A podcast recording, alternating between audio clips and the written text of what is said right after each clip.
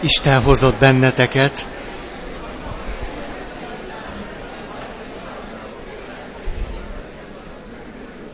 De kipróbálnám egyszer, hogy oda kiülnék, és hogy az milyen ott. Elfelejtettem elhozni a párnákat. Nagyon sajnálom. Ezt elbénáztam. Majd, majd remélem legközelebb eszembe fog jutni. Belekezdtünk abba, hogy ha szeretnénk elmélyült, személyes hitet, akkor nyilvánvalóan az volna jó, hogyha úgy egyáltalán az életünk lehetne elmélyült és személyes, mert akkor azon belül a hitünk is ilyenné válhatna. Ú, hű, csak nézem, hogy te jó ég, milyen... Ha valaki azt mondja, hogy szaporodtok. Ez egy... Sajátos. Csak az, hogy ott vannak, akik ülnek, előtte állnak, jaj, szegények. Mind a ketten szegények. Hmm. De azt hiszem, hogy én ezen most nem tudok segíteni, úgyhogy megyek tovább. Eh, ahogy elmondtam azt a néhány szempontot idáig, aztán most egy hetem volt arról, hogy egy picit vívódjak és töprengjek azon, hogy vajon ezt ti milyen füllel hallgattátok meg. Beszélgettem is egy-két emberrel ezzel kapcsolatosan. Fontos volt ez azért, mert, mert olyan, olyan benyomásaim vannak, hogy önmagában ez a tíz dolog, amit el szeretnék mondani, hogyha ezt a tíz dolgot elkezdenénk csinálni, akkor az nagyon nagyban alakítana az életünkön jó irányba talán. És hogy ezért nem, nem akarom most ezt elkapkodni, engedjétek meg, hogy most egy picit újból elmondjam az első néhány pontot, és mindegyikhez szeretnék még egy-egy gondolatot fűzni. Azért, mert nem akarnék abba a hibába esni, hogy itt folyamatosan mondok, mondok valamit, és akkor az legyen a benyomásotok, hogy jaj, jaj, jaj, ez is egy ked volt, aztán jöjjön a következő. Tehát eh, szeretném azt csinálni, amit, amit újból és újból tapasztalok, hogy érdemes megállni. Most lehet, hogy valamit megértettem, akkor is érdemes megállni, és ebben a fölismerésben lenni egy kicsit. Úgyhogy most nézzétek ezt el, nekem szeretnék eh, a múlt heti fölismeréseinkben egy kicsit lenni. Mert lehet, hogy ez a lépés is fontos.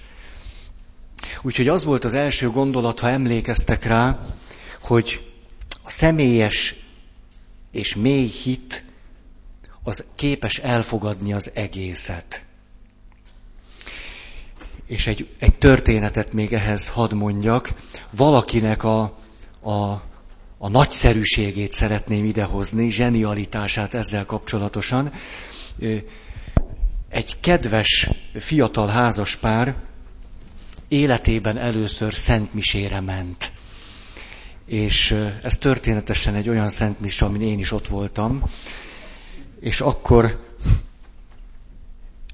hát nekem csak halvány rezdüléseim vannak azzal kapcsolatban, hogy vajon milyen lehet az, amikor valaki életében először szentmisén van. Na hát aztán néztem az arcukat is, és az volt a benyomásom, hogy egy nagyon sajátos élmény lehet, és aztán nem bírtam ki, és rákérdeztem náluk, hogy na mondjátok meg, ezt hogy éltétek meg? És a következőt mondták, fantasztikus okosak. Azt mondták, hogy hát tudod, volt egy olyan része ennek a, ennek a valaminek, amiről nem nagyon tudjuk, hogy micsoda, amivel úgy egész jól tudtunk mit kezdeni. Ez volt a beszéd része. A, az összes többivel nem nagyon tudtunk mit kezdeni. Ez volt a mise része. De ahogy mentünk hazafelé, ez a dolog annyira egyrészt piszkált, bántott, irritált, dühösek is voltunk, féltünk is, egy csomó minden följött bennünk, hogy így aztán az egész délelőttöt azzal töltöttük, hogy ezzel kapcsolatban beszélgettünk, és az összes nálunk föllelhető könyvből mindent elolvastunk, amit csak lehet. És hogy tulajdonképpen ez egy nagyon jó délelőtt volt, bár a Szent Misére ezt nem mondhatnánk el. Ez egy, ez egy nagyon nagy bölcsesség volt a részükről. Ebben tökéletesen megvalósították azt, amiről én próbáltam szólni, hogy mit jelent, hogy az egészet elfogadni. Mert megtehették volna azt, hogy azt mondják, hogy hú, ez a beszéd, ah, me, me, jó volt, jó volt, de hát ott csak 10 perc a beszéd, itt egy óra 10 perc, hát vagy hülye leszek misére járni. Ez nem éri meg. És ők nem ezt csinálták, hanem azt mondták, hogy volt itt 10 perc, ami tetszett, és volt mondjuk 45 perc, ami a legvegyesebb negatív érzéseket és indulatokat váltotta ki belőlünk, onnan kezdve, hogy mi az, hogy Uram irgalmaz, ez nagyon nem tetszett nekik. És, de csak azért, mert egész más van a fejükben, mint a miénkben, hogyha mi hívő emberek vagyunk. Ezt az egyetlen mondatot milyen sokféleképp lehet átélni. Na hát ők át is élték. És, és az, hogy nekiálltak ezzel a 45 perccel foglalkozni, nagyon-nagyon-nagyon tisztelem őket ezért. Ezt akartam még példának elmondani, hogy mit jelent az, hogy az egészet elfogadni. A másik, ugye, hogy az ellentétét elfogadni valaminek,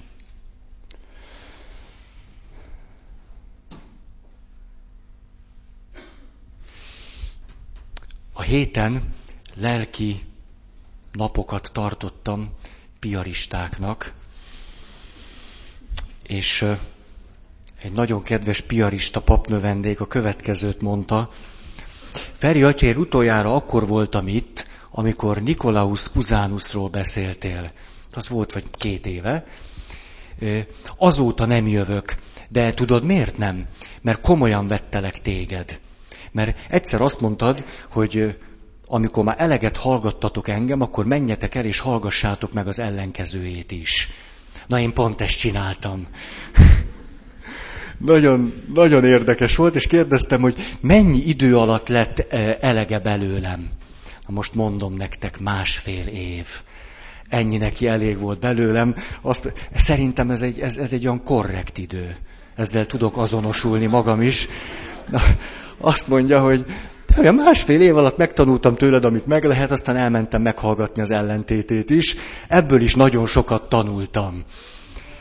Na, ez megint egy olyan, amit nagyon köszönök ennek a leendő papnak, mindent, amit ezzel kapcsolatban mondott, megcsinált.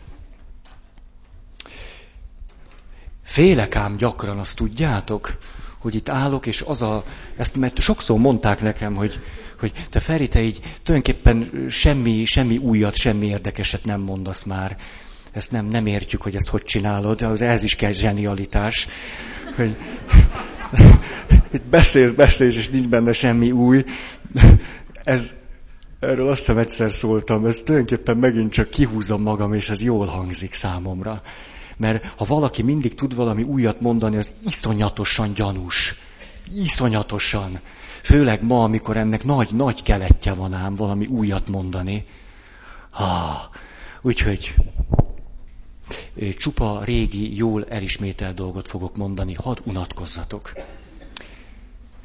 Egy dolgot még Kahlil Gibránnak a Proféta című művéből, egy nagyon rövidke részletet, hogy ő hogy fogalmazza azt meg, hogy mit jelent, hogy valaminek az ellentétét is elfogadom. És Álmitra szólt, beszélj nekünk a szeretetről.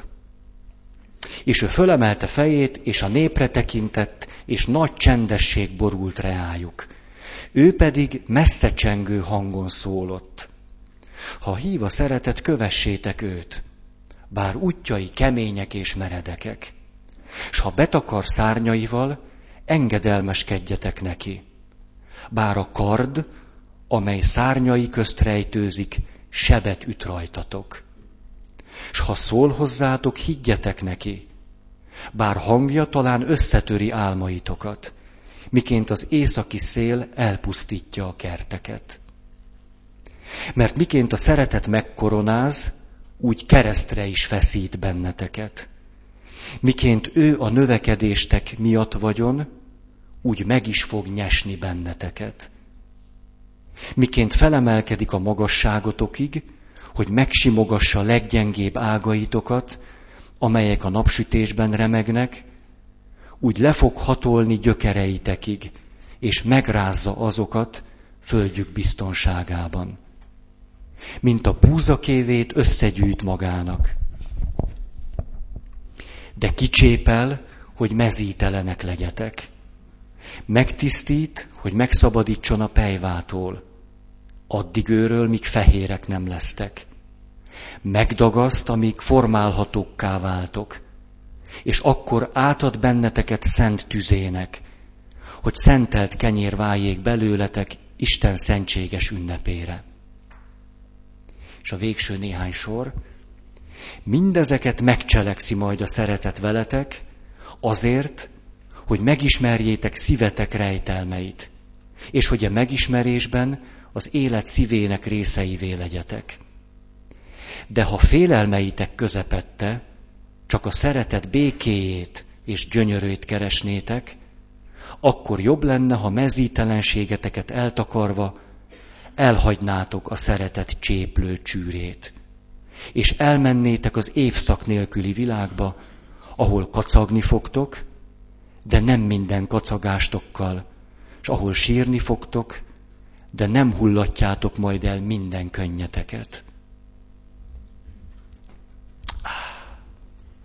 De szép. Nehogy azt mondjátok, hogy ez olyan, mint a vimexek. A harmadik szempont az volt, hogy a saját egyébként helyes értékeim, szempontjaim, érdekeim ellenében is tudok dönteni. Azok ellenére tudok dönteni. Valakinél jártam, aki Egyesült Államok béli néhány évének élményét a következőképpen foglalta össze. Kaptam egy marha jó állás ajánlatot, de majd hülye lennék ott élni.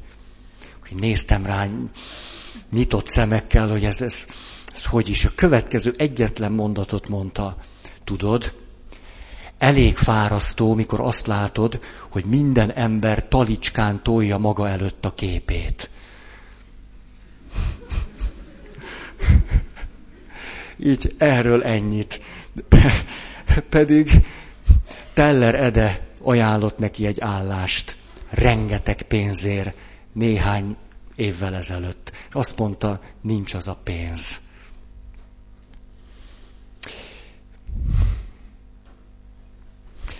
Ugye itt a, a jogok, hogy mi mindenhez van jogunk. Van a családterápiának egy nagy atyamestere, Böszörményi Nagy Iván, aki azt mondja, hogy egy családban roppant fontos az, hogy elismerjük azt, hogy kinek mihez van jogosultsága. De természetesen ez nem lehet a végső pont. Nagyon fontos egy családban, hogy mindenki a másiknak fölismerje és elismerje minden jogosultságát. A jog ebből a szempontból nagyon fontos. De utána érdemes ezt az egészet elengedni. Mert ez szinte csak az első lépés. Ez olyan, mint amikor köszönünk egymásnak, és azt mondjuk, hogy látom, te is ember vagy, olyan, mint én, és neked is vannak bizonyos szükségleteid. Meg szeretnél ezt-azt. És ha most kapcsolatban vagyunk, ez valamiféle felelősséget jelent mindkettőnknek. Ez körülbelül ennyi. Most, ha valaki megmarad ezen a szinten, ez körülbelül olyan, mintha mindig új meg új szerelemre vágyódna. Más valakivel persze. Hát ennél azért lehet egy, egy lépés tovább menni. Ugye ez az, ami, ami nekem folyamatosan úgy köszön vissza, ahogy beszélgetek veletek mondjuk, hogy amikor hihetetlen indulatokkal beszél a nő arról, hogy a férje egy kibírhatatlan alak, mert állandóan meg akarja szabni, hogy milyen színű legyen a haja. Hát ilyen férfihez ment hozzá, hogy ne legyen vörös, csak barna. Meg mekkora legyen a körme, meg milyen színű. És ez az egész semmi, azt hiszem, hogy tulajdonképpen valami olyasmiről szól, hogy ismerd el, hogy lehet olyan a hajam, amilyennek szeretném Hogy nekem tulajdonképpen van egy, egy elemi jogom ahhoz, hogy ilyen lehessen a hajam. És utána egy nagyon érdekeset mondott valaki, egy mondjuk egy ilyen tíz éves móka után, hogy lehet-e vörös, meg szőke, meg izé, brrr, ez nem tudom, ilyen daljerolt az. Igen. Tehát, hogy lehet ilyen, ilyen, ilyen. Akkor erre azt mondta, egyszer a férjem eljutott oda, egyszer beállít, aztán azt mondja nekem, hogy eh, most már tíz évet leúztunk egymás mellett, már itt van nyolc gyerek. Na, tudod, most már lehet rövid a hajad nyugodtan, vagy szőke, most már mindegy. És erre visszament hozzá ez a hölgy, és az már úgy visszament, hogy addig is együtt éltek, csak hogy folytatván ezt a beszélgetést azt mondja, hogy te tulajdonképpen attól a pillanattól kezdve, hogy azt mondtad, hogy lehet, már nem is érdekes. A fene egye megmondta neki őszintén, a fene egye meg elvettél tőlem egy óriási, izgalmas dolgot. Hogy állandóan szórakozhattunk egymással, hogy rövid haj, hosszú haj, szőke haj, barna haj, mind. Mert tudtam, hogy te mit szeretsz, meg mit utálsz, és ez egy annyira kitöltötte a napjainkat. És erre tessék, te azt mondod, hogy lehet akármilyen, és, és vége az él. Mivel fogunk foglalkozni? Hát az a nyolc gyerek nem tölti ki az összes időt. Hát eddig legalább tudtuk, hogy, hogy hányadán állunk egymással. Na, egy csomó, csomó, csomó ilyen játékot el lehet játszani. A férfi azt hiszem, az, az meg állandóan el akar menni kocsmába biliárdozni a haverjaival, nem? Az valami ilyesmit, vagy mit, valami, ne, nem tudom, mondjatok még valamit, olyan rövid a fantáziám. Mit, mit, mit? Dárcozni akar a férfi, jaj, jaj, jaj. Jaj, ezt, ezt, ezt elfelejtettem. Tehát biliárdozni, meg dárcozni akar a haverjaival. És akkor ezzel egy olyan 30-40 évet el lehet játszani. És a... Már nem a dárccal, ez milyen egyszerű lenne. Nem? De nem, hát azzal, hogy igen, nem, és ha elmentél, nem szeretsz, mégiscsak szeretlek, mert visszajöttem, de az nem elég, mert gondoltál rám két dárc között, és igen, drágám, csak rád gondoltam, azért vesztettem. Ez, a, de ez nem is egy jó, rossz módszer, hogy nem tudom. Szó, szó, de, hogy, hogy drágám, adj egy kis pénzt a koszt pénzből, mert pont rád gondoltam dobások közben, és vesztettem. Most ki kell fizetni. Ha. Na, jó van. A, a nyárom elmentem sokadjára egy családterápiás kurzusra tanulni, és a következő meglepő instrukciókat adta az Írországból érkezett családterapeuta pár. Leültünk, és akkor hát ezt úgy ismerem, szokásos köszöngetés, meg ilyesmi, hogy ami itt elhangzik, az ne menjen ki ebből a körből, stb. Tehát azért beszélek erről. És a... Nagy hatással voltak rám de hát így lehet, ahogy mondom. És akkor következő instrukciót mondja, így ücsörgünk, hogy ú, előttünk van egy hét, hát jó, hogy mi akartunk idejönni, de azért mégis csak egy egész hét. Meg... És akkor erre azt, azt mondja, hogy e, tulajdonképpen egyetlen cél van, hogy itt, itt, itt el vagytok, aztán csináljátok, ami jól esik. Jöttünk egy hétre, tudod, az van a fejemben, hogy reggel kilenckor kezdünk, és este tízig megy, tanulunk, kis ebédszünet, aztán utána rogyásik. Hát, tulajdonképpen az a cél, itt el vagyunk, így ücsörgünk, beszélgetünk, ücsörgünk, mondja a terapeuta. De hogy kell ücsörögni? Hát ha van kedved, álljál föl, vagy mászkáljál, hát nem kell itt ücsörögni. Hát csak úgy, hogy jó, jól esik. És akkor megyek hozzá, jelentkezem, hogy terapeuta bácsi. Most, hogyha este mondjuk kilenckor befejezzük, akkor szabad nekem elmenni este moziba? néz rám, hogy mint egy hülyére, hogy hát, hát oda mész, hova akarsz, hát ide se kellett jönni. Hát, és a, óriási élmény volt ez, hogy kaptam engedélyt arra, hogy fölállhatok.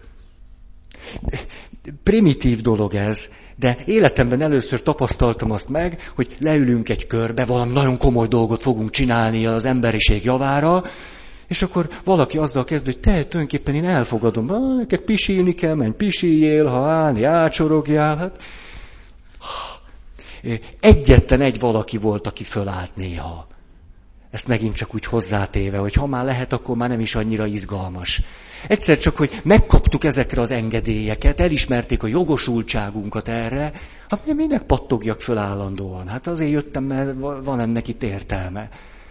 A, tehát amikor mennek ezek a küzdelmek, meg a világgal, meg az élettel, meg minden, hogy az én nekem jogaim vannak, és addig nem szeretlek, ameddig az összes jogomat nem adod meg, érdemes nagyon gyorsan ezt az elejét lerendezni. Tehát van, van, mindenhez jogod van, lehet, csinál, csak tessék. És akkor utána meg lehet szeretni egymást. Jaj, de egyszerű.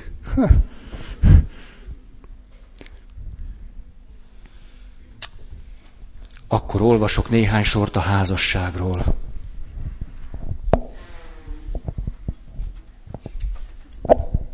Hm, nekem milyen könnyű helyzetem van, ugye? És ekkor ismét Álmitra szólott, beszélj nekünk a házasságról, mester. És ő válaszolt mondván, egymásnak születtetek, és együtt lesztek örökkön örökké. Együtt lesztek akkor is, amikor a halál fehér szárnya szétszórja napjaitokat. Sőt, együtt lesztek Isten hallgatag emlékezetében is. De tartsatok szüneteket az együttlétekben, és hagyjátok az égszeleit táncolni ti közöttetek. Szeressétek egymást, de ne csináljatok a szeretetből köteléket. Hadd legyen inkább mozgó tenger lelketek partjai között. Töltsétek meg egymás kejhét, de ne ígyatok egy kehelyből. Adjatok egymásnak a kenyérből, de ne egyetek ugyanabból a cipóból. Daloljatok és táncoljatok együtt, de legyetek mégis egyedül. Miként a land húrjai is egyedül vannak, bár egy muzsikára rezdülnek. Adjátok oda szíveteket, de ne egymás őrizetébe. Mert egyedül az élet keze tarthatja a ti szíveteket. És álljatok együtt, de ne túlságosan közel egymáshoz. Mert a templom oszlopai is külön állnak, és a tölgyfa meg a ciprus nem nő egymás árnyékában.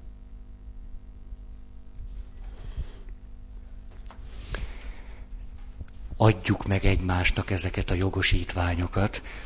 Ugye most nem kívánom tőletek, hogy ne álljatok messze egymástól, mint a Ciprus meg a többi.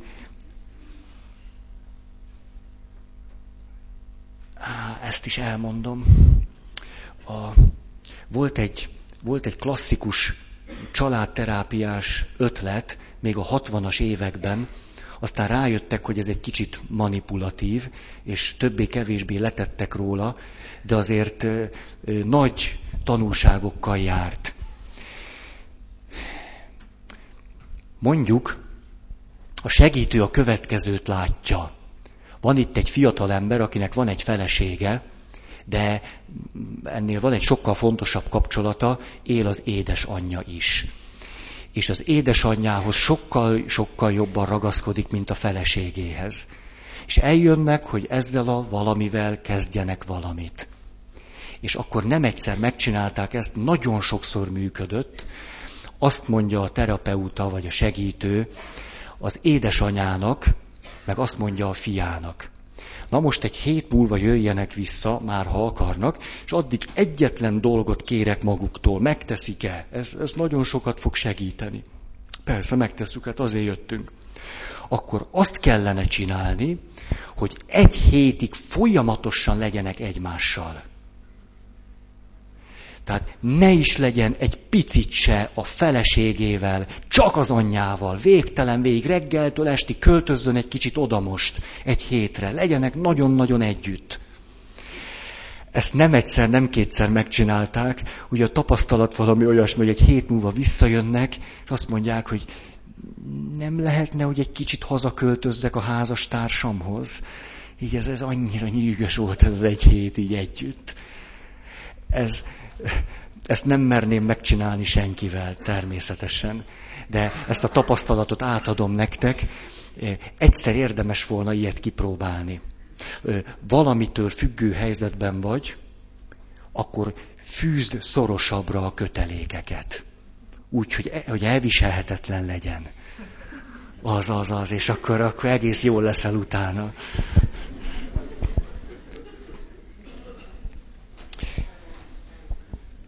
Következő, igent mondani olyasmire is, amiben nem győztek meg, amiben nem láttam be, vagy nem értettem meg, vagy nem értek vele egyet esetleg. Ez a mondat nagyon félreérthető, mert hozzá kéne tenni azt, hogy igent mondani valakinek, akinek a gondolatára, véleményére, elképzelésére, akármiére igazából nem eszméltem úgy rá, hogy az helyes, vagy azt kellene csinálni. Tehát itt az emberre mondok igent. Ide azt lehetne mondani, hogy ugye látszólag ez azt jelenti, mintha elszakadnék a saját tapasztalatomtól. Mert hogy nekem van egy véleményem, van egy gondolatom, de ezt hagyom, és akkor csinálom azt, amire te kértél meg engem. Valójában azonban, amikor én igent mondok neked, akkor nyitottá válok arra, hogy itt valamit átéljek. Éppen a tapasztalatra válok nyitottá. Hogyha én igent mondok egy olyan dologra, amiről azt gondolom, hogy szerintem nincs így, vagy nem jó, vagy helytelen, de neked igent mondok, mert ez a kapcsolatunkból fakad, itt most nem arról van szó, hogy ha azt mondják, hogy ugorjak útba, akkor beleugrasz el. Hát ne, nem erről a dologról van szó. Hanem amikor a, a, a berögzött véleményünkkel szemben kéne valami más, más, valami jót csinálni. Ilyesmire gondolok. Éppen, hogy a tapasztalásra leszek akkor nyitott. Múltkor a következő gondolatsor fogalmazódott meg bennem erről, hogy az életben úgy kezdjük, hogy vannak hipotéziseink.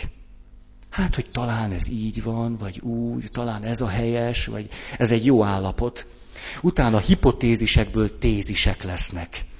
Hát, ez már kevésbé jó. A hipotézisből tézis lesz, akkor azzal sok bajt lehet okozni. De nem szoktunk itt megállni, hanem akkor jön a harmadik fázis, a csak azért is. Tehát valahogy így vagyunk, hipotézis, tézis, csak azért is. Hát amikor eljutsz valamiben a csak azért is pontra, akkor ott érdemes néha egy másik embernek igent mondani, és nyitottá válni valamilyen tapasztalatra, hogy képzeljétek el, a citromfagyi is ehető, nem csak a csoki. Ilyen megrendítő tapasztalataink lehet. Nem, Eszter már is mondja, hogy nem. Nem.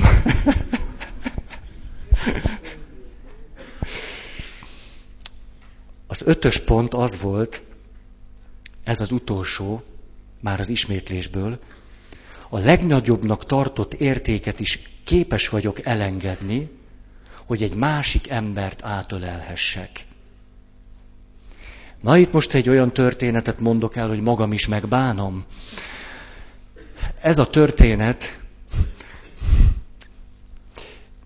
nyáron meghívtak vidékre, hogy eskessek egy ifjú párt, és utána vegyek részt a lagziban.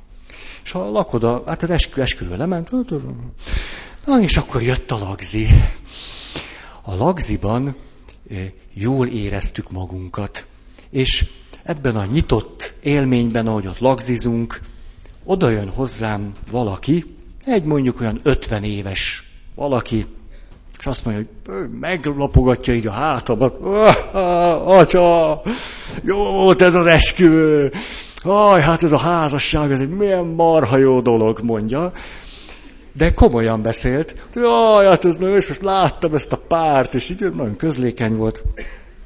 És erre a következő gondolat hagyja el az ajkait. Azt mondja, te tudod, hát én például a feleségemmel húsz éve házasok vagyunk, de mi olyan jó meg vagyunk egymással, tudod? Mindenkinek ilyet kívánok. Tudod, de körülbelül így. Tudod, ez volt az a pillanat, amikor azt gondoltam, hogy nem kellett volna öltönybe jönni. És a... Te tudod, néha cinkosan rám néz, hazamegyek a feleségemhez, és azt mondom neki, te, olyan mindenféle érzés van bennem, két dolgot tudnék csinálni. Vagy lopni, vagy toszni. Erre a feleségem azt mondja nekem, de akkor legyen az utóbbi. Á, tudod, pajtikám, jó, meg vagyunk mi az asszonynal.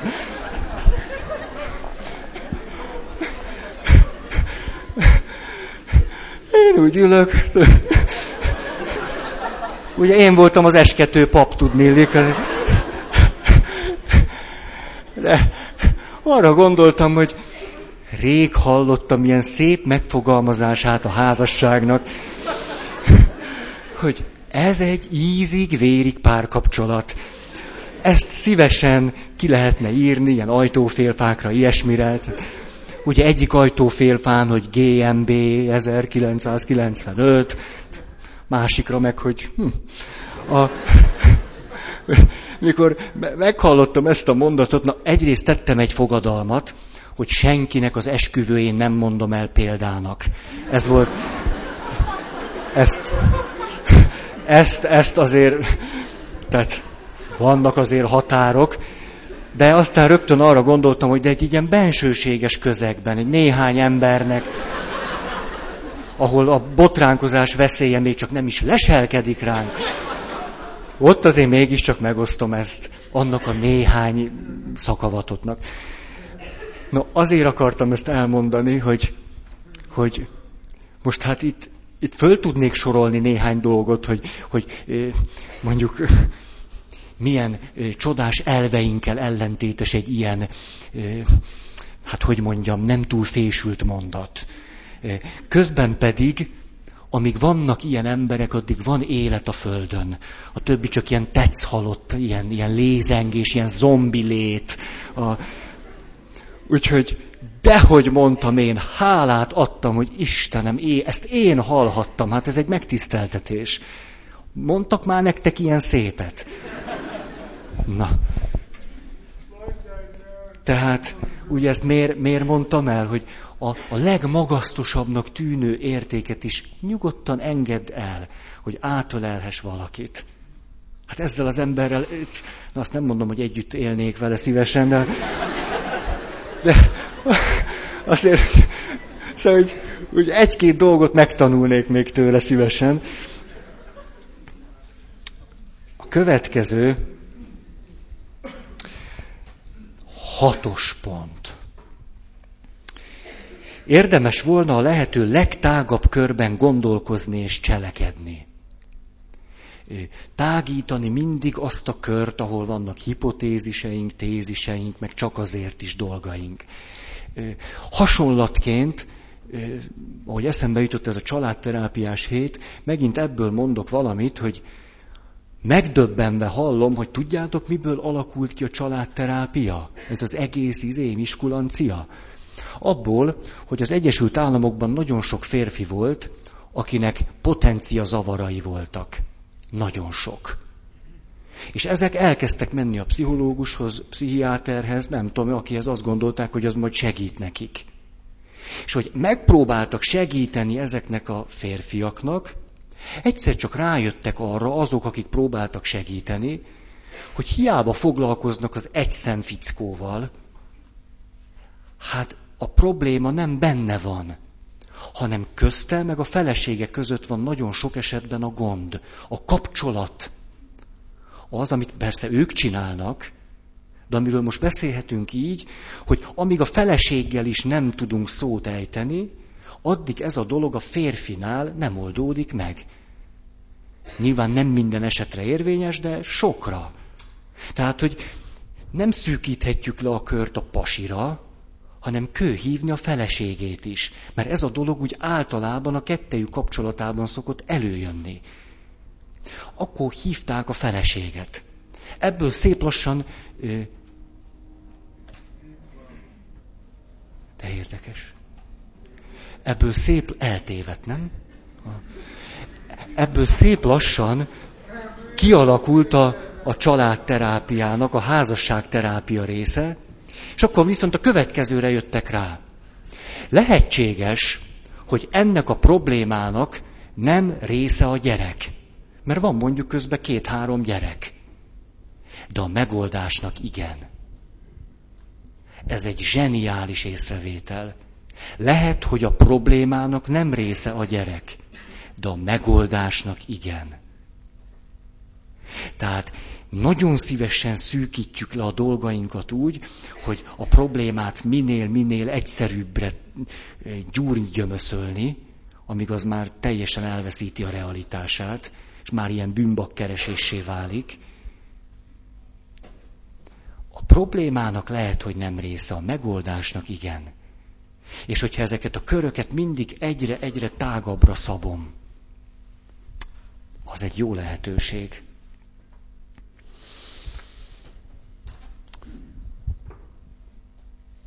Rogers mondta a következőt. Carl Rogers, nagy-nagy atyamestere a másik ember tiszteletének.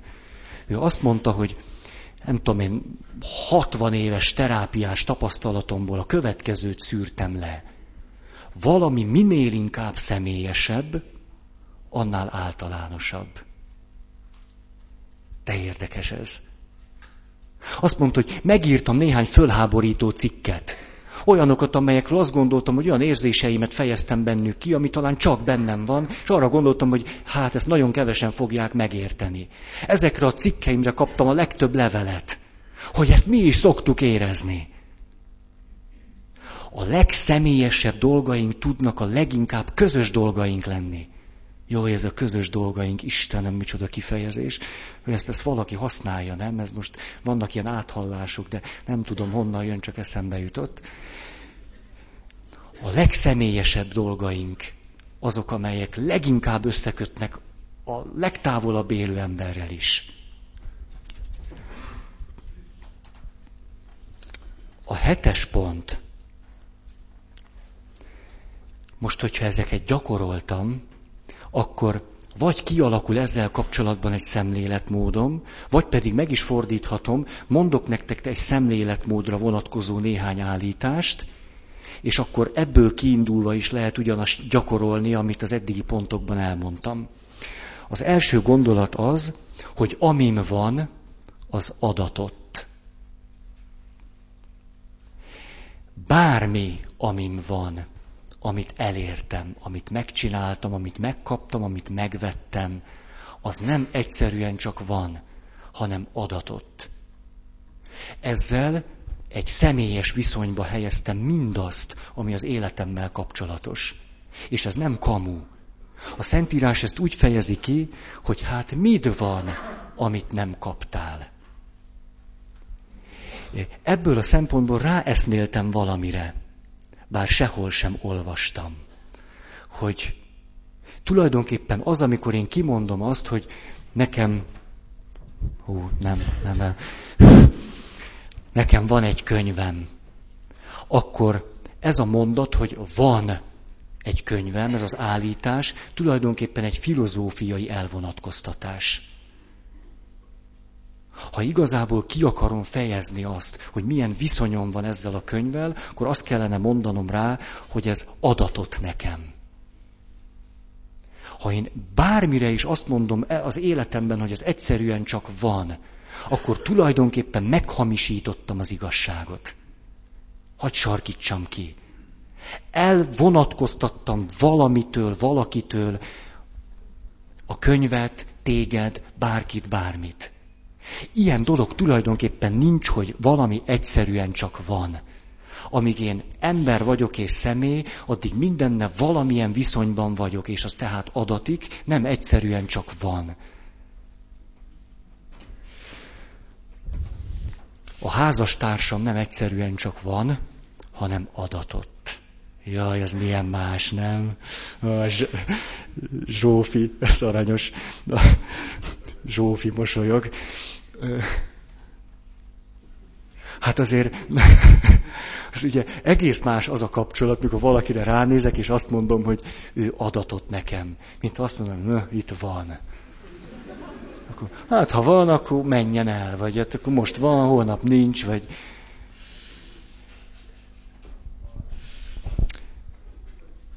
Az ember számára semmi sem csak úgy van, hanem adatik.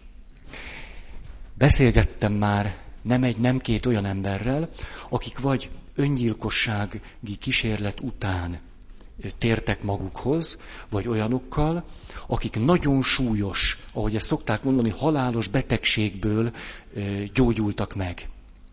És ami az ő legszemélyesebb élményük, a számomra, aki hallgatom őket, egyszerre személyes és nagyon általános.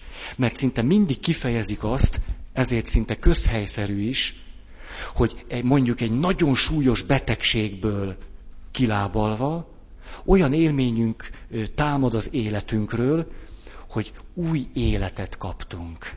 Ugye, újjá születtünk. Adatot nekünk egy új élet vagy egy új lehetőség. Eleltöprengek ezen, hogy miért kell egy halálos kóron átmenni ahhoz, hogy ráébredjek arra, hogy az az élet, ami most bennem van, az is adatott. Nem csak az, ami a gyógyulás után van. Vagy nem csak az, ami egy, egy öngyilkossági kísérlet után van. Hanem ez itt és most ez is adatott. Mennyire más dolog ez, mint hogy azt mondom, ja, élek, ja, hát ez van, van, azt mit csináljak vele.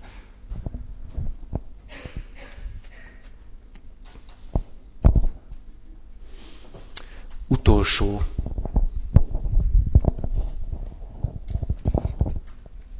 fölolvasás.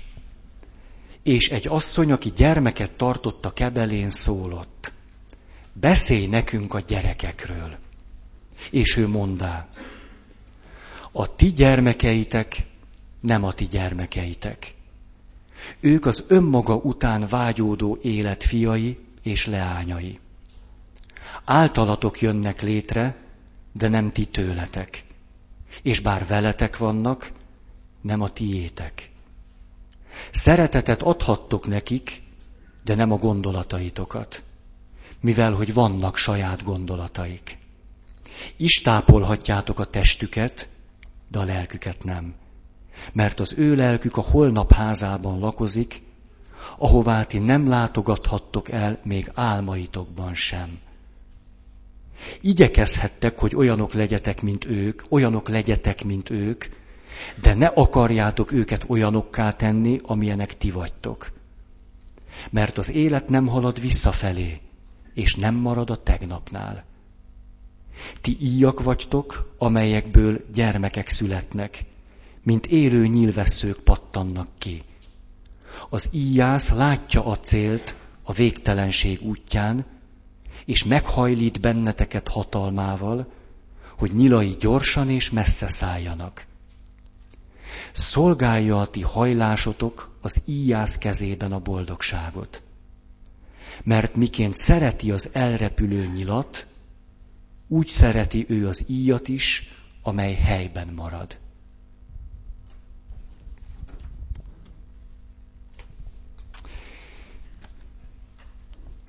A gyerekek adatnak, nem csak úgy vannak.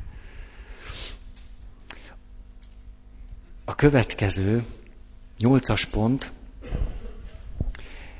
amin van, ugye az most már nem csak van, hanem, hanem az adatot nekem, tehát akkor ez nekem nem jár, hanem ajándék.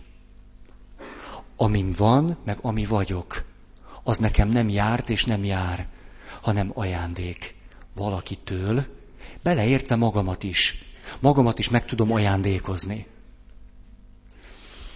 ezzel kapcsolatban az a szentírási történet gyújtott fényt az agyamban, amikor a csodálatos kenyérszaporításra várakoznak, és akkor azt mondja a Szentíró, hogy és azért követték nagyon sokan Jézust, mert mindenféle betegséget meggyógyított, minden bajt orvosolt, és amerre ment, sok jót tett. Ezért aztán rengetegen követték őt. Ezután adja több mint 5000 férfinek, meg a hozzá tartozóknak a kenyeret, meg a halat.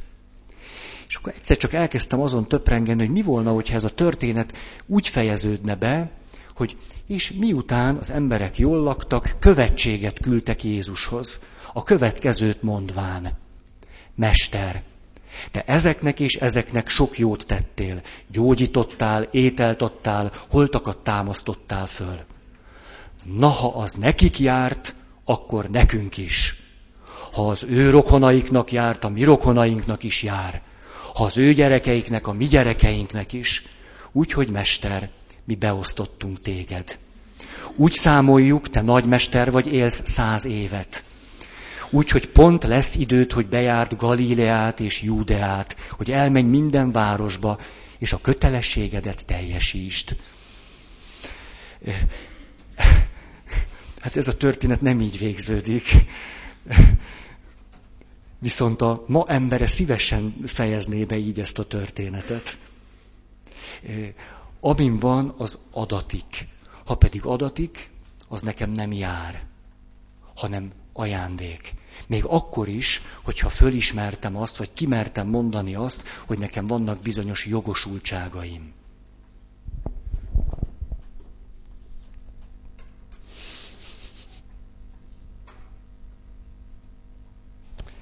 Ezt elmondtam a piaristáknál. Oda jött hozzám egy piarista tanár, úr, és azt mondja, hogy ú, Feri, hát ilyeneket, hát figyelj már, hát, hát, hát figyelj, hát, itt, hát ez még nekem is rosszul hangzott. Hát a, ha mégiscsak azért, azért mi elértünk dolgokat az életben. Hát meg a másik ember is, hát azt, azt ő, ő, ő, ő csinálta. Hát azért ez, te azért ezt nem könnyű lenyelni. Nem mondta senki, hogy könnyű lenyelni. A... Hát ha nehéz, hát nehéz. Hát... Szóval ez megint nekem úgy tűnik, hogy lehet úgy élni, hogy ezt én csináltam, csak nem érdemes. Tehát lehet, hát lehet, hát verhetem a mellem, úgyhogy már hátul jön ki a kezem. Ugye, arcomat vihetem talicskával magam előtt. Bocsánat, az arcommal vagyok.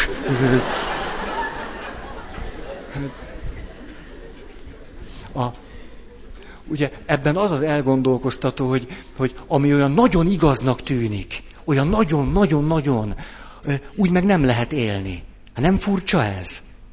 Tehát ha, ha valamilyen ilyesmire rájövök, hogy abban nekem iszonyat igazam van, csak már mindenki megutált közben. Három éve nem csörgött a telefonom. De nekem mindenben igazam van, azok mind rohadékok, azok nem ismerték föl, hogy nekem igazam van. Hát, hát akkor már... Na. Most egy jó Bencés atya jutott eszembe, akitől nagyon sokat tanultam. Jó Bencés atya engem biblikumra tanított, és azt mondta, hogy, bár ezt egyszer már azt hiszem elmondtam, azt mondta, hogy egy igazi bölcs Bencés kimérten jár, megfontoltan éli az életét, és majdnem leesett a dobogóról közben. Na, és akkor el, elnevette magát és mondta, hogy én ezért nem vagyok jó Bencés atya. A... Őt szerettük a legjobban. Ő nem volt egy jó Bencés atya, nem járt kimérten, nem tűnt állandóan megfontoltnak, de nagyon emberi volt. Ezért nagyon jó volt őt hallgatni.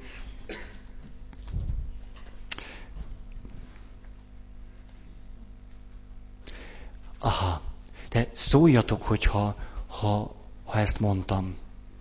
Mert már egy körülbelül hónappal ezelőtt hallgatván a rádiót egy olyan borzasztó dolgot hallottam, hogy hűha, én napokig nem tértem magamhoz.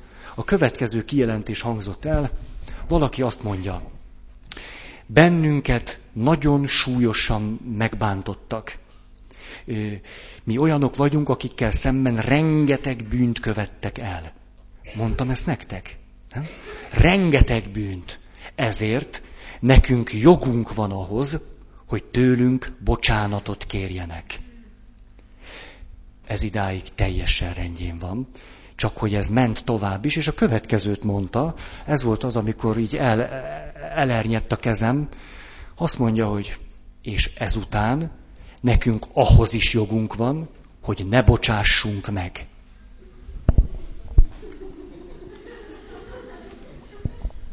húha, tudjátok, na ezt az embert olyan szívesen összeengedném azzal az ötven éves férjel, hogy egy kicsit úgy has, has, hasson rá, úgy egy kicsit veregesse már meg a vállát, hogy, hogy havercsávó, hát ébredjél már föl. A, tudjátok, hogy egy-két napig úgy mentem az utcán, hogy van-e még ilyen? Van. Mert egy ember ilyen biztos van, de van-e még ilyen? Mert hát akkor ez a föld nem annyira biztonságos hely.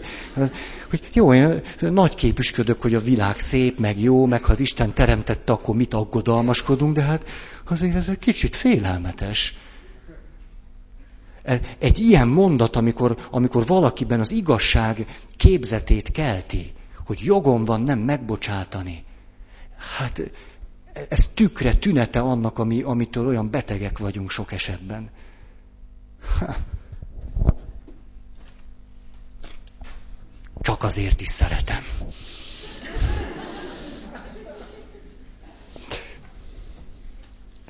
A kilences, amim van, és ami vagyok, az tehát nem magától értetődő, nem természetes, hanem rendkívüli és egyedi. Tehát amim van, és ami vagyok, az nem magától értetődő és természetes, hanem rendkívüli és egyedi. Egy ifjú házas pár házasságkötésük után kihasználták a kínálkozó alkalmat, és elmentek egy évre külföldre dolgozni. És abban a megtiszteltetésben volt részem, hogy úgy írtak nekem levelet, hogy nem várták, hogy válaszoljak. Ezt helyesen tették, mert semmiképp sem válaszoltam volna, úgyhogy ezt jobb is volt az elején tisztázni. És a következőt írják egy év tapasztalatai után. Hát lement ez az egy év. Tudod, Feri, körbenézünk itt, nyugaton, és akkor azt látjuk, hogy itt egy, egy, egy átlag embernek legalább két kocsia van. Ebből az egyik minimum BMW, Mercedes vagy Audi. El tudjátok gondolni, hogy melyik országról van szó? Jó. A, aztán, hogy nézzük, mindenkinek nagy, hatalmas családi háza van. Aztán, ahogy dolgozunk velük, halljuk ám, hogy ötször, hatszor többet keresnek, mint mink. Hát aztán, ahogy elmennek nyaralni, akkor nem a Balcsira mennek, meg, meg mit tudom én, két napot az autópályán állnak, hogy leérjenek az Adriára, hanem, hát, nem tudom, mondjatok egy jó helyet. Brazíliába, brazil tengerpartra mennek. Na, és akkor úgy azt látjuk ezzel együtt, hogy ez nekünk eszméletlenül nem természetes, nagyon nem magától értetődő, nekik meg igen.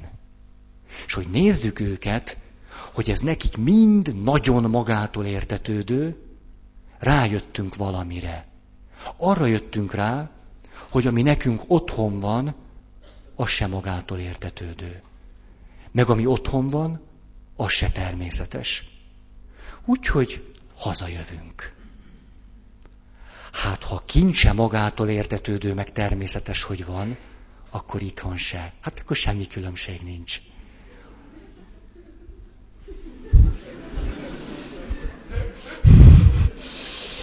Na kíváncsi lennék, mi volt az első gondolatod. Ez egy zseniális szemléletmód, zseniális.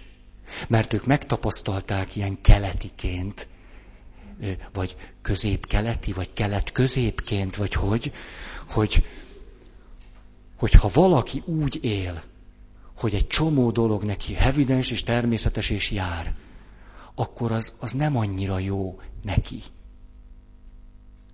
Annyira nem. Most hallom a rá... Ja, mindegy, ezt el sem mondom.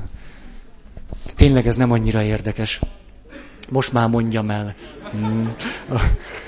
E, ezt hallottam csak, hogy azt mondja, ugye, hogy azt mondja a rádió, hogy, hogy azért nem versenyképes az EU, mert a, az EU-ban nagyon magasak a bérek.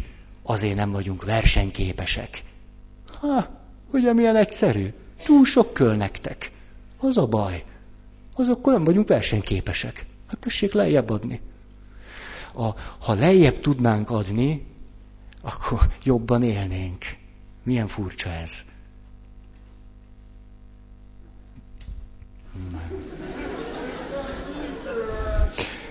ezért most elnézést kérek. A tízes pont. Elsősorban azt kellene megkérdeznem magamtól, hogy egy bizonyos helyzetben mit mondana vagy tenne Jézus, nem pedig azt, hogy mi az igazság. Erre most vasárnap jöttem rá, már ebben a formában. Ezt most, ha vagytok hívők, akkor ezt így könnyebb megemészteni, ha nem, akkor nem akarlak benneteket ezzel zargatni. Csak nekem ebben az egy mondatban valami nagyon-nagyon megvilágosodott. Mégpedig az, hogy le lehet élni úgy egy életet, hogy állandóan ez, hogy mi az igazság. Hogy mi, és akkor persze nekem van igazam, és az én igazam, és a jogom, meg minden. Így megint csak egy idő után nem lehet emberi kapcsolatokban létezni. Nem lehet. De ha azt kérdezem magamtól, hogy nem az, hogy mi az igazság, főleg nem, hogy kinek van igaza, ez egy őrületes kérdés, mert mindenkinek igaza van. A, hanem azt, hogy ebben a helyzetben Jézus mit mondana vagy tenne. Rögtön véghetetlenül személyessé válik egy szituáció. Egyedivé, megismételhetetlenné. Ehhez adott esetben Ugye választhattok más személyt is, csak az legyen hiteles. Legyen hiteles, főleg abból a szempontból. Hallottam én olyat, valaki azt mondta, hölgyektől hallottam ilyet, hogy életemben nagyon nehéz életszituációba kerültem, arra gondoltam, hogy na mit mondana az apám. És akkor nagyon hallgattam a szívem mélyére, az apám azt mondta, hogy oda sem neki. Na hát. És akkor tudtam tovább élni tulajdonképpen mindegy, hogy ez ki, csak hát azért mondjon jó dolgokat, azért akárkire ne figyeljetek. Ez ennyi elég neki. A, egészen más dolgokat mond ám egy ilyen helyzetben az a valaki, mint sem, hogy úgy elvontam, megnevezi, hogy mi az igazság. Egy szerzetesről hagy beszéljek, akit néhány éve ismertem meg, nagyon komoly hivatás válságba jutott néhány évvel ezelőtt. És elment a lelki atyához, egy jó lelki atyához, lelki atyához, és mondja neki, hogy hát, hát ő bizony ki akar lépni. És a lelki atya nem azzal kezdte ugye, hogy ezt a magasztos értéket, mint a te hivatásod, hozd egy pohár vizet, gyermekem. Tehát nem ez, hanem hát egy, egy ember ült vele szemben, hát ragadjuk meg az embert, ejtsük el a hivatás magasztosságát. Azt mondja, hogy tehát akkor mondd el, hogy mi van, hát ó, mi? És akkor az elmondta, hogy hogy van, és akkor azt mondja, tehát, fú, ezt, ezt, ezt látod nagyon, ezt megértem, hű, a nem jóját. Na, te tudnál-e egy olyan szentírási részt választani, ami hasonlít a te élethelyzetedhez. Azt mondja, hogy hát, azt, azt tudnék, tudnék.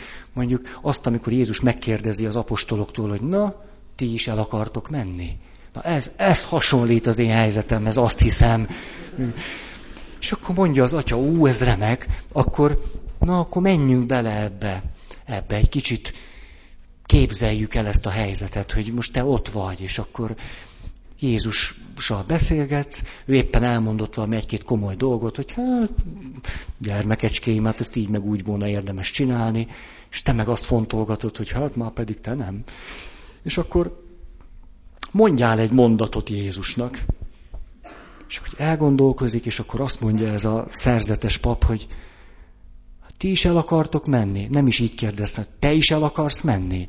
Azt mondja, hát én el. És ez egy varázsos pillanat lett. Mert ahogy kimondta ez a pap, hogy hát én el, ebben a pillanatban valami olyan érzelmi élménye lett, amitől elkezdett sírni. És átélte teljes súlyával azt, hogy mit jelent az, hogy én valakinek mondom azt, hogy én most neked azt mondom, hogy el akarok tőled menni. Hogy ebben az esetben nem annyi történt csak, hogy elhagyom-e a hivatásom, vagy nem Á, ez egy jó kis személytelen dolog. Mi a helyes döntés? Mi az igazság? most e, ennél már csak rosszabbakat lehet kérdezni. Tehát, hogy, hogy, hogy igaza van-e a pápának akkor, amikor azt mondja arról, hogy, és a, jaj, hát ebben már bele sem menjünk. Tehát ez egy végtelenül személyes kérdés, ha magamat komolyan veszem. És ezt nem úgy mondom, hogy elhagyom a hivatásom, vagy nem, ott hagyom a házastársam, vagy nem, vagy nem tudom mi, gazember leszek-e, vagy nem, hanem odaállok valaki elé, és akkor ő kérdezi, hogy gazember leszel? És akkor mond a szemébe, hogy igen, igen, úgy döntöttem. Tehát az más, mint hogy úgy egyedül ücsörgök, és úgy elképzelem, hogy na ezt a stiklit azért megcsinálom. Már nem látja senki. Ez egy egész más helyzet. És ez a pap szerzetes maradt. Puff, onnantól kezdve elkezdett fölfelé menni ez a helyzet. De ehhez persze kellett az, hogy ő kimerje mondani azt, hogy neki hitelesen itt ebben a pillanatban az a válasz jön, hogy bizony én is elmennék.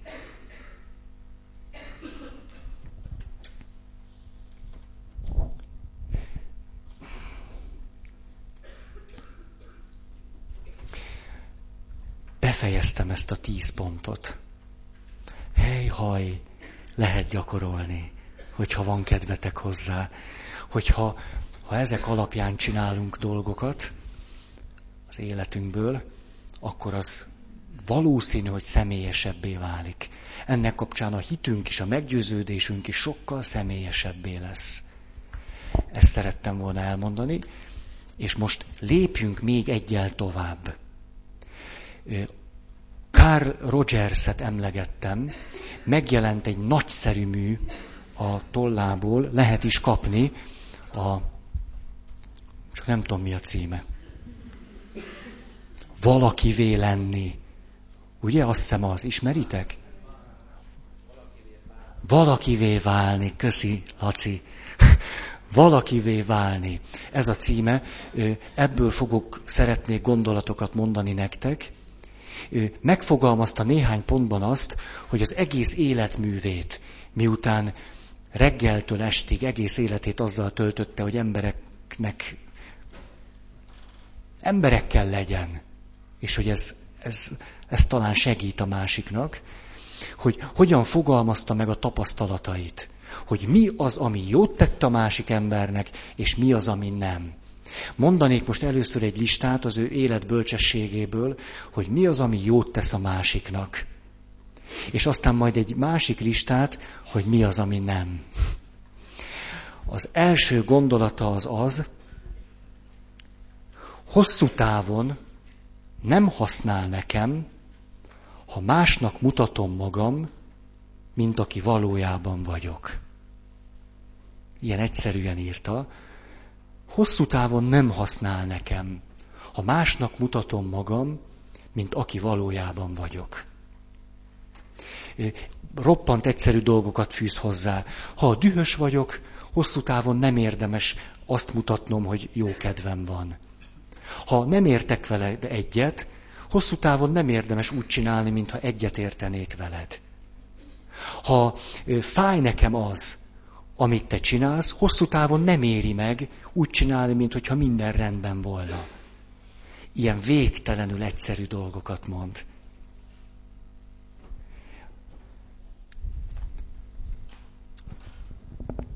És a következő tapasztalatig jut el ennek kapcsán. Amikor megengedtem magamnak azt, hogy megfelelő formában kifejezzem azt, ami éppen bennem van, ami ennek éppen magamat átéltem.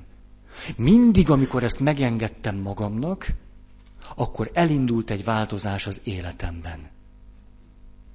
Amikor nem engedem meg magamnak, akkor mindig benne maradok abban a helyzetben, ami nekem nem jó.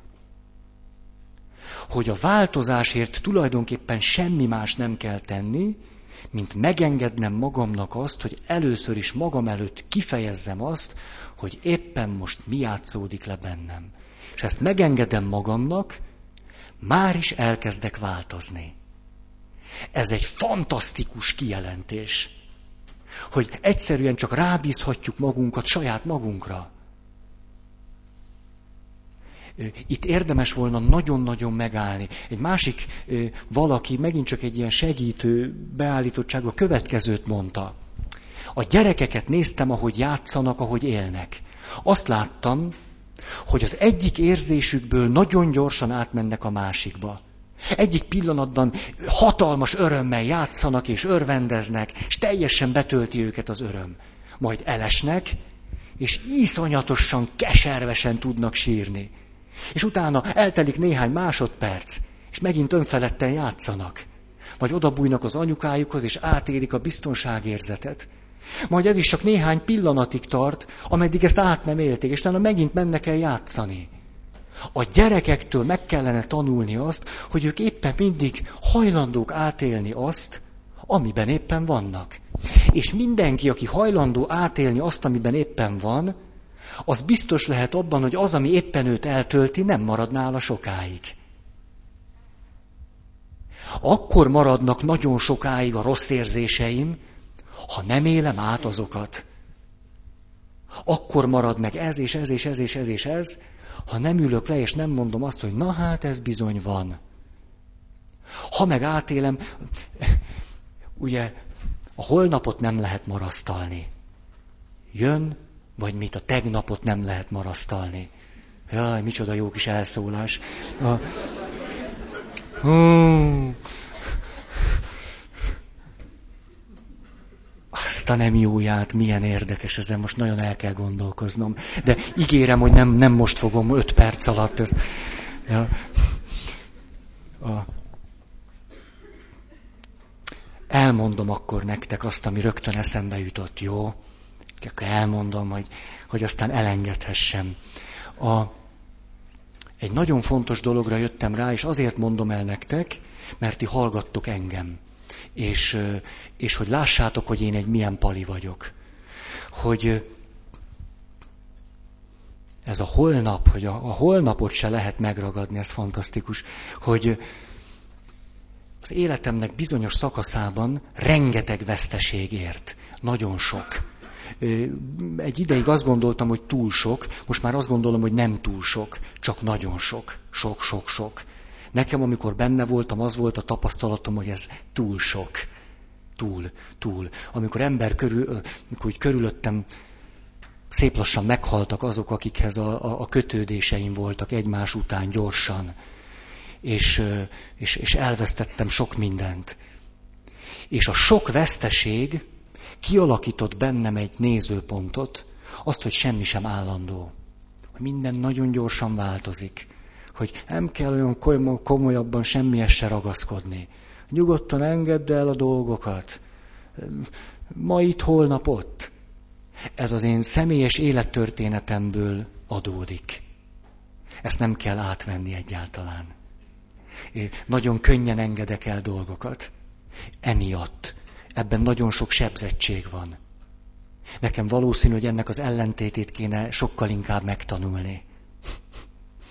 Hogy hogyan tartsak meg dolgokat, ne azt, hogy hogyan lépjek ki dolgokból.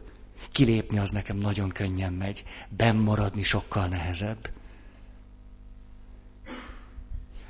Tehát valószínű ez az elszólás ehhez kapcsolódik.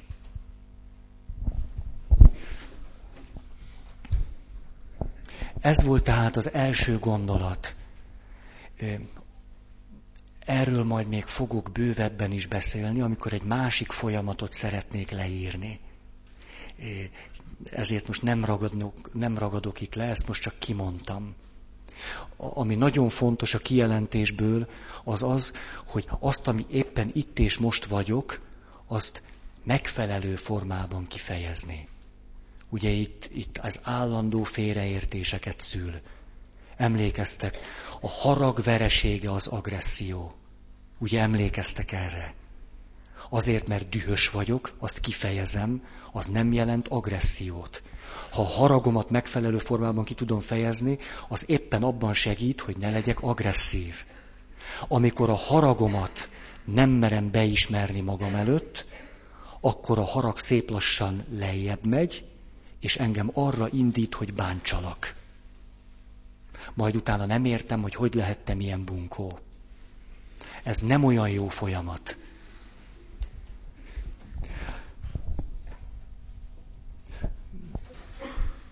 Mondom a következőt még. Hatékonyabbnak érzem magam, amikor képes vagyok elfogadni és figyelni a belső hangjaimra amikor saját magam lehetek. Ezt mondja tehát, hogy hatékonyabbnak érzem magam, amikor képes vagyok elfogadóan figyelni a belső hangjaimra, és saját magam lehetek. Ez vonatkozik az érzésekre, a cselekedetekre, az érzelmekre, egy csomó mindenre. Na, most éppen úgy reagáltam, ahogy nem is akartam. De azért ezt mégiscsak én csináltam. Nem kell ideológizálni, hogy miért csináltam mégiscsak úgy. Nem, nem akartam így csinálni, nem is értek vele egyet, de így csináltam. Vagy nem tudom miért félek, de félek annyi biztos. Ezeket a nagyon egyszerű mondatokat, ha ki tudjuk mondani. És ebből megint egy nagyon fontos dolog jön. Ugye az elsőből az jött, ha megmerem élni azt, amilyen vagyok, még hogyha az a legutálatosabbnak, félelmetesebbnek, nem keresztényinek is tűnt, a megélni nem azt jelenti, hogy bűnt elkövetni, hanem egyszerűen csak, hogy átélem, hogy most erre van egy elemi késztetésem.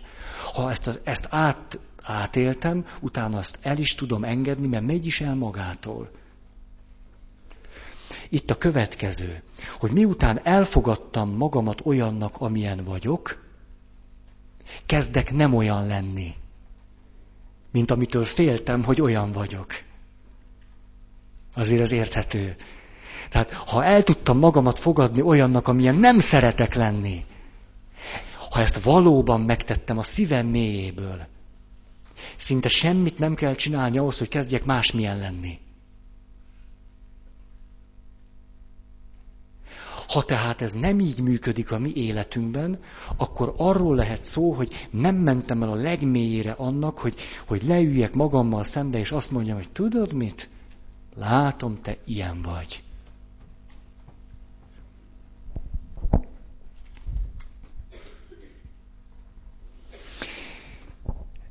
Aztán azt mondja, hogy egy kapcsolatban, hogyha el tudom fogadni a saját érzéseimet, vagy indulataimat. Ha merem azt mondani, hogy na most mindenhez van kedvem, csak előadást tartani nem. Hát el semmi kedvem.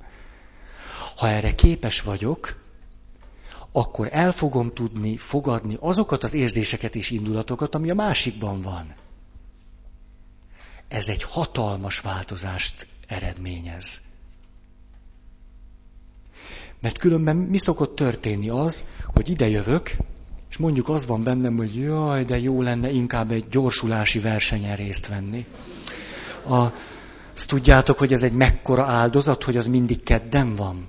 Mindig. Mert kedden kezdték el csinálni, és ezért mindig kedden van, ezért sosem tudok elmenni. Na, és éppen ez van bennem, hogy most gyorsulási verseny van. De amikor ezt elfogadom, hogy most gyorsulási verseny van, és én nem ott vagyok, hanem itt, akkor ebben a pillanatban történhet itt akármi, hogyha nagyon csúnyán néztek rám, vagy nem tudom én mi történik, akkor nem fogom azt mondani, hogy na, ugye kiderült, hogy nem volt érdemes ide jönni, mert ilyen piszkok ezek, ezek miatt hoztam ezt az áldozatot akkor itt megint csak történhet akármi, azt megint el tudom tőletek fogadni reakcióként. Mert elfogadtam a saját dolgaimat. Párkapcsolatban ez rengetegszer. Hát először fogadd el a magad összes marhaságát, hogy hát ez bizony én vagyok. Ha, ha, nem más, nem a szomszéd. Na ez a hülyeség, ez nem a feleségem. Ez én, ez én, én. Én ezt egyedül képes vagyok csinálni és ha erre képes vagyok, akkor egyszer csak sokkal könnyebb lesz a társamnak az akármilyen dolgát megemészteni. Akkor ő is lehet ilyen, olyan, meg amolyan. Mert ugye nem az szokott lenni, hogy a, a, az utolsó csöpp erőddel próbálsz normális lenni. Nem, ez, ez veletek szokott előfordulni, velem rengetegszer, hogy azt gondolom, hogy most, most, most a gyomrom legmélyéből még előszedem az utolsó kis ATP-met, és akkor így. És erre te mondjuk, hogy olyan kicsit olyan lezseren nézel rám, és akkor ah, összeomlok, hogy ah, nem érdemes élni, mert az se szeret engem. Ah. Szóval nem érdemes az energiánkat erre fordítani. Hanem leülök, és azt mondom, te, tudod, épp az volt bennem, hogyha nem jönnél ma el, nem bánnám. De jó, hát eljöttél most, viszont akkor tudok itt lenni. Ez volt bennem egy perccel ezelőtt. De most, hogy itt vagy, most már nem ez van bennem. De egy perccel ezelőtt ez volt. Ezek nagyon, nagyon föl... Jaj, mikor úgy szeretem... Hi, elment az idő, visszaélek a, a, a, a, azzal a jogosultsággal, hogy beszélhetek félig. És most, most súlyosan megsértem az emberi jogaitokat. Na most a, gyorsan, csak a, a, na, nagyon gyorsan, és aztán elmegyek, meggyónom, hogy a, a, az, azokat az embereket tudom a szívem közepében nagyon-nagyon könnyen, aki azt mondja nekem, hogy beszélgetünk, és tudja, hullafáradt vagyok. Én hiába ittem egy liter kólát, meg három teát. Ó, igen, igen. És akkor ugye valahol, az nem is a gyomromból jön, hanem így a szívemből valahol jön egy ásítás, tudjátok. És akkor te éppen arról beszélsz, hogy elhagyott a barátod, vagy valami, és hogy...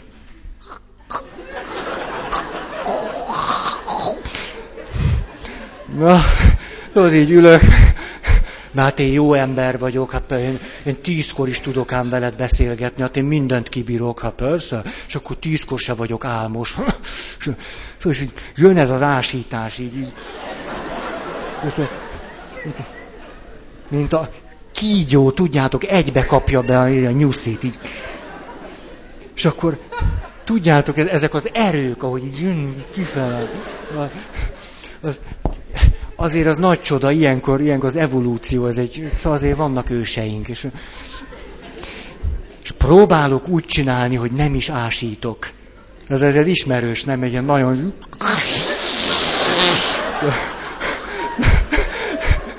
És, és akkor te, te, te igaz, rendes ember, te azt mondod nekem, miközben így a kínok kínját élem meg, hogy, hogy egy hiteltelen segítő vagyok, mert ásítok. Akkor azt mondja, jaj Feri, hát ásíts egyet nyugodtan. Hát attól még elhiszem, hogy fontos vagyok neked. Hát nyugodtan, nyisd ki a szám. Ja. Hova, hova nem jutottam ma? Azt hiszem, hogy sokkal jobban kellett volna az előadás előtti érzéseimet tudatosítani, és akkor talán egy kicsit higgadtabb lettem volna, mint egy rendes bencés. De ez ma nem sikerült. Ma sem sikerült. Köszönöm a figyelmeteket. Akar-e valaki mondani valamit?